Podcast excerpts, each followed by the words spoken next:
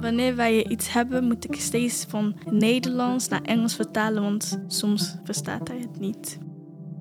Kinderen gaan over het algemeen verder fietsen. Ze hebben een laptop nodig, ze hebben een rugzak nodig, een hoop schoolspullen. Ja, dat is niet voor iedereen zomaar even 1, 2, 3. Uh, nou, we rijden even naar de Bruna en uh, betaal het wel even. De middelbare schoolperiode. De tijd van je leven. Toch? Dat zou het in ieder geval wel mogen zijn. Jezelf prettig voelen, als een vis in het water. Dat is belangrijk. Welkom bij de podcast Die Kant Op.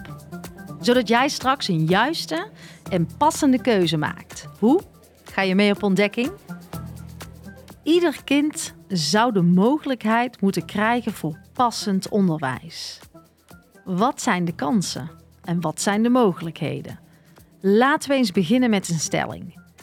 Elk kind heeft dezelfde kansen elk kind zou dezelfde kansen moeten hebben, maar heeft het dus niet. Ik werk in het, uh, in het SBO, speciaal basisonderwijs. Het speciaal basisonderwijs, het SBO dus, is voor leerlingen die, uh, die, die, die wat meer nodig hebben dan, dan, dan een basisschool biedt. En deze leerlingen merk ik heel vaak, uh, als wij een advies geven, een regulier advies voor het voortgezet onderwijs, dan gaan er soms bij het voortgezet onderwijs, als we een leerling aanmelden, gaan er meteen alarmbellen rinkelen. Dan denk ik, oh, hij komt van een SBO. In principe kan je gewoon doorstromen naar een SBO, ja, naar een regulier voortgezet onderwijs. Ja, dat is, uh, bij de meeste leerlingen is dat wel de bedoeling, dat ze uh, na het SBO doorstromen naar het reguliere voortgezet onderwijs. En wat merk jij dan aan, uh, want de stelling was, elke kind heeft dezelfde kansen. Jij ziet andere, andere dingen? Nou, ik, ik, ik, merk, ik merk dat het voortgezet onderwijs uh, soms terughoudend is. Omdat een leerling van het, uh, van het speciaal basisonderwijs komt. Maar welke ondersteuningsbehoefte heeft hij dan wel nodig? En kunnen we die wel bieden? En ja, misschien hebben we het vorig jaar kunnen bieden. Maar we, we kan, er zijn heel veel twijfels, zie je, zie je vaak. En dan, dan moeten we echt wel veel en vaak in gesprek om, om een leerling te kunnen plaatsen. Ik ging verder op onderzoek. Ja, was het maar waar? Maar je ziet het uh, helaas nog niet. Eigenlijk denk ik dat we juist ongelijke aandacht uh, moeten geven aan kinderen. Om gelijke kansen te creëren. Sommige kinderen hebben gewoon meer nodig. Dus uh, hebben ze allebei een HAVO-advies, twee kinderen, zal het één kind soms meer nodig hebben om tot hetzelfde resultaat te komen. Gelijke kansen is dus ook ongelijke aandacht durven geven. Ik begrijp de uitdagingen hierin. Wat zegt een brugklascoördinator hierover? Wij denken in kansen. Dus een leerling die een flinke uh, leerachterstand heeft op begrijpend lezen of rekenen, willen wij toch een kans geven om hier een diploma te halen. Wat niet wil zeggen dat ik soms inderdaad uh, van tevoren met ouders of begeleiders in gesprek ga van oké, ik wil deze leerling een kans geven. Maar dan gaan we wel een aantal afspraken maken. En die zetten we dan op papier, die, worden we, die tekenen we dan en dan hebben we de, de afspraken helder. Soms is het helemaal niet nodig om dan op die afspraken terug te komen. En soms is het wel nodig. En we proberen dan niet gelijk bij een afspraak gezegd van... oh, je hebt je niet aan afspraak gehouden, dus het houdt hierop. Maar wel de vinger aan de pols te houden. Um, dat gaat heel vaak goed. En een enkele keer moeten we toch beslissen van oké, okay, dit is misschien toch een te grote school voor jou. En wij kunnen jou niet de, de begeleiding en ondersteuning geven die jij nodig hebt. En we kennen ook de verrijkingsinitiatieven. Alvast even extra proeven aan een middelbare school. Is dit voor iedereen? Ja, en wat jij noemt inderdaad over die verrijkingsinitiatieven, dat is vooral naar boven toe. En soms mis ik daarin wel dingen ook op de andere niveaus. Want alle kinderen vinden het natuurlijk fijn om ja. te oefenen en te ja. wennen. En... Ja. Een tip voor de scholen. Wellicht kunnen we hier nog wat in het aanbod verrijken. Gelijke kansen en mogelijkheden betekent ook dat we als ouder door een frisse bril mogen kijken. Het onderwijs van nu is niet meer het onderwijs van toen. En dat is echt wel uh, echt heel anders. En uh, dat je daar als ouder wel een beetje in blijft hangen, snap ik ook heel goed. En daarom is het juist zo belangrijk dat ouders zich goed gaan oriënteren op de scholen. In gesprek gaan met de scholen, open dagen bezoeken. Om eens te oriënteren van oké, wat biedt deze school? Gelijke kansen. Hoe signaleer je tijdig dat het kind extra hulp nodig heeft? Dat niemand buiten de boot valt? Ja, want we denken bij kansengelijkheid volgens mij uh, vaak aan armoede of uh, een bepaald soort uh, thuissituatie. Maar dat is veel breder dan dat. Want ik kon je zeggen, HAVO, ook daar spelen dingen. Dat kan, dat kan van alles aan de hand zijn. Ook kinderen die bijvoorbeeld, zogenaamde kopkinderen, die te maken hebben met psychisch zieke ouders. Wat heel vaak niet helemaal in beeld is. Financiële middelen, dat soort zaken. Dat speelt vaak van alles waar we misschien niks van af weten. En dan zijn de kansen niet gelijk, helaas. Niet iedereen heeft de financiële middelen. Ik kan me voorstellen dat je daar ook niet graag te koop mee loopt. En wat is er dan voor deze mensen beschikbaar?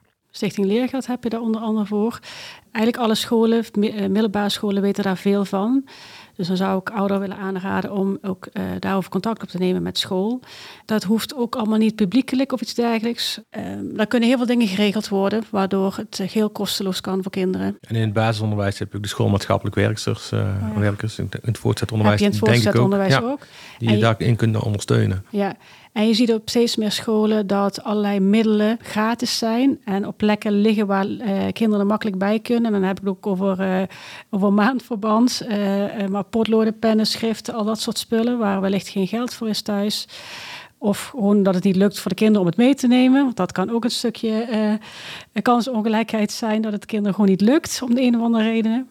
Uh, dat het wel op school voorhanden is, dat ze de leerlingen daar op die manier toch de les kunnen volgen. Kinderen gaan over het algemeen verder fietsen, ze hebben een laptop nodig, ze hebben een rugzak nodig, een hoop schoolspullen. Ja, dat is niet voor iedereen zomaar even 1, 2, 3, uh, nou we rijden even naar de Bruna en uh, betalen het wel even. En daar, in die zin kan Stichting Leergeld zeker steun bieden. Wat zouden we tegen deze mensen willen zeggen? Vaak is de basisschool dus al vertrouwd. Dus als het bij de basisschool nog niet bekend is, ga dan in ieder geval naar, uh, als je daar al vertrouwd iemand hebt, geef het daar aan. Want elke basisschool heeft met de nieuwe school, dus het voortgezet onderwijs, een warme overdracht.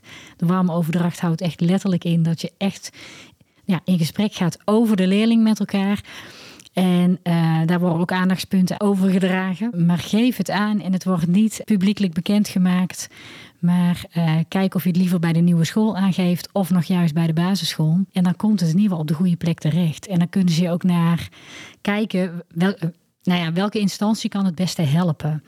Is dat huiswerkbegeleiding? Is dat fina financieel bij Stichting Leergeld? Of is dat juist extra aandacht? Kijken hè, of het kind iets anders nodig heeft. Maar het, ja, wel zorgen dat het bekend wordt. Ja, misschien één toevoeging, want ze zijn van het groep 8 zijn de ouders en leerlingen natuurlijk nauw, vaak een nauw contact gewend met de groepsleerkracht. En op de middelbare school hebben ze ook altijd een mentor. Dat is eigenlijk een soort van groepsleerkracht. Het vervolg op de groepsleerkracht, dat zit hem in de mentor. Dus er is ook altijd, staat iemand klaar voor ze als eerste aanspreekpunt. Ook op zo'n hele grote school is er altijd minimaal één iemand, dat, dat is dan de mentor, waar ze het verhaal bij kwijt kunnen. Het is fijn als we iedereen kunnen bereiken met onze informatie zodat iedereen zich goed kan voorbereiden op het voortgezet onderwijs.